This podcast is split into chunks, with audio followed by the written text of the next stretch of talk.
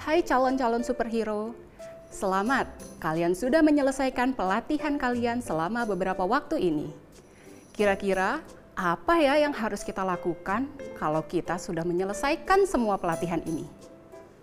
Apakah kita diam saja? Terus atau apakah kita lupakan semua pelajaran yang sudah kita dengar? Wah, jangan sampai begitu ya anak-anak. Ingat, kita punya tanggung jawab. Dalam kisah para rasul 1 ayat 8, Tuhan Yesus memberikan perintah kepada kita untuk menjadi saksi Tuhan. Tuhan mau kita menjadi saksinya. Anak-anak, inilah panggilan yang Tuhan berikan kepada kita semua menjadi saksi Tuhan di dunia ini. Tuhan mau saat orang lain melihat kita, orang-orang itu dapat melihat Tuhan Yesus di dalam diri kita.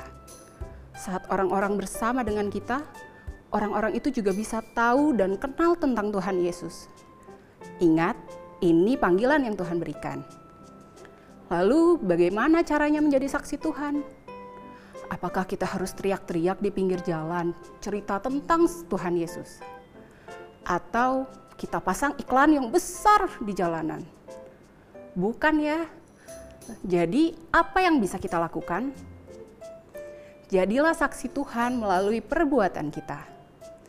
Kita melakukan apa yang baik, yang sesuai dengan firman Tuhan. Bukan melakukan sesuatu yang tidak baik, bahkan yang tidak benar. Melalui perbuatan kita, dari bangun pagi sampai kita tidur, kita bisa menjadi saksi Tuhan. Kita bisa menjadi saksi Tuhan melalui perkataan kita. Kalau kita sukanya berkata kasar, yang tidak baik, mengomel, wah, apakah orang-orang jadi suka dengan kita? Tentu tidak. Orang lain bisa menjadi tidak suka dan menjauhi kita. Kalau orang tidak suka sama kita, bagaimana kita bisa menjadi saksi Tuhan? Jadi, kita harus berkata-kata dengan baik. Kita juga bisa menjadi saksi Tuhan dengan menceritakan tentang Tuhan Yesus, mungkin kepada keluarga kita, teman kita, atau tetangga kita. Ceritakan firman yang kalian dengar saat sekolah minggu atau saat kalian mengikuti sil ini.